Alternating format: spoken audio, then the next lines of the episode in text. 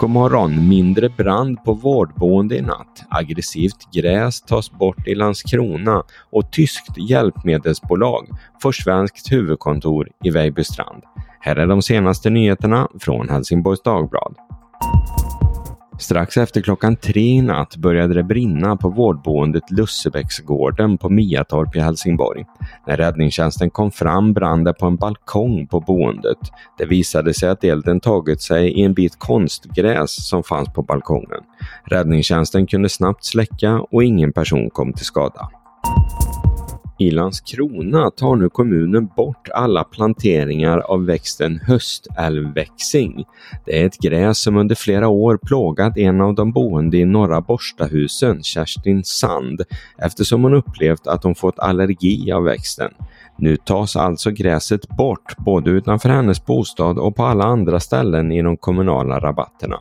Men enligt kommunen handlar det inte främst om Kerstin Sands besvär utan att gräset växer alldeles för bra och tränger undan andra växter. Det tyska hjälpmedelsföretaget Suchmann startar ett svenskt huvudkontor i Vejbystrand utanför Ängelholm. Bolaget säljer hjälpmedel för barn och har verksamhet i flera olika europeiska länder. Tidigare har försäljningen i Sverige skett via återförsäljare, men nu blir det alltså också via ett eget försäljningsbolag i Sverige. Att det blev Vejbystrand har flera olika skäl. Placeringen ligger nära E6 och flygplatsen, vilket gör det enkelt att hålla lager och få besök.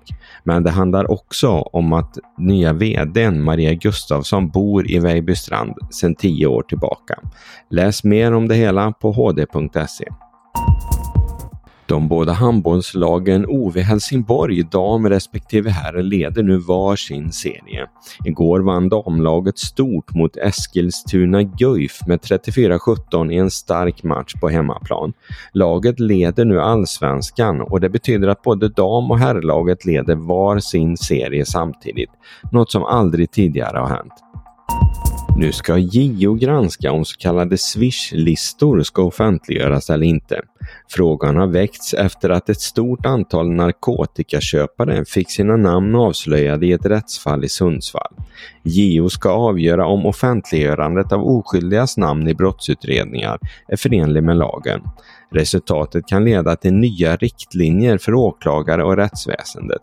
Slutliga svar från JO förväntas under vårens lopp och kan innebära det ändrade hanteringsrutiner.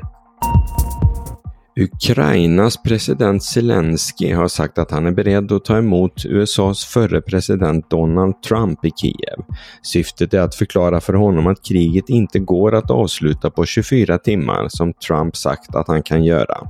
Trumps idé om ett snabbt slut på kriget innebär bland annat att Ukraina är beredda att kompromissa, något som Ukraina kraftigt motsätter sig. Och så vädret. Idag blir det en mulen dag med lite regn på förmiddagen. Temperaturen når som mest 11 grader efter lunch och vinden blir måttlig och blåser från sydväst.